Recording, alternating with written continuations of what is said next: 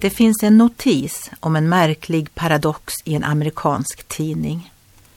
Almträden i Södra parken i Pittsburgh måste fällas för att de är i vägen för statyn av Joyce Kilmer.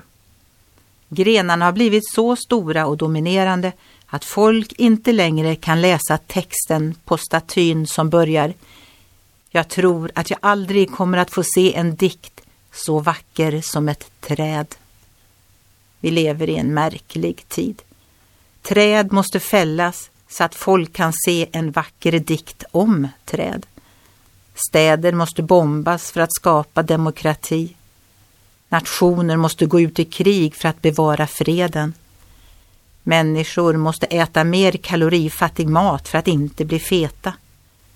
Kristendomen måste ut ur skolorna så att ungdomarna kan lära sig vad som är rätt och fel. Blir det inte lite fel?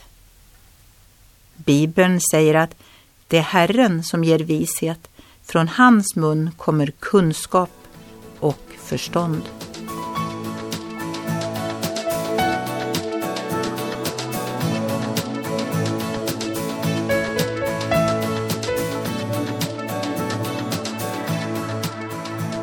Ögonblick med Gud producerat av Marianne Källgren, Noria Sverige.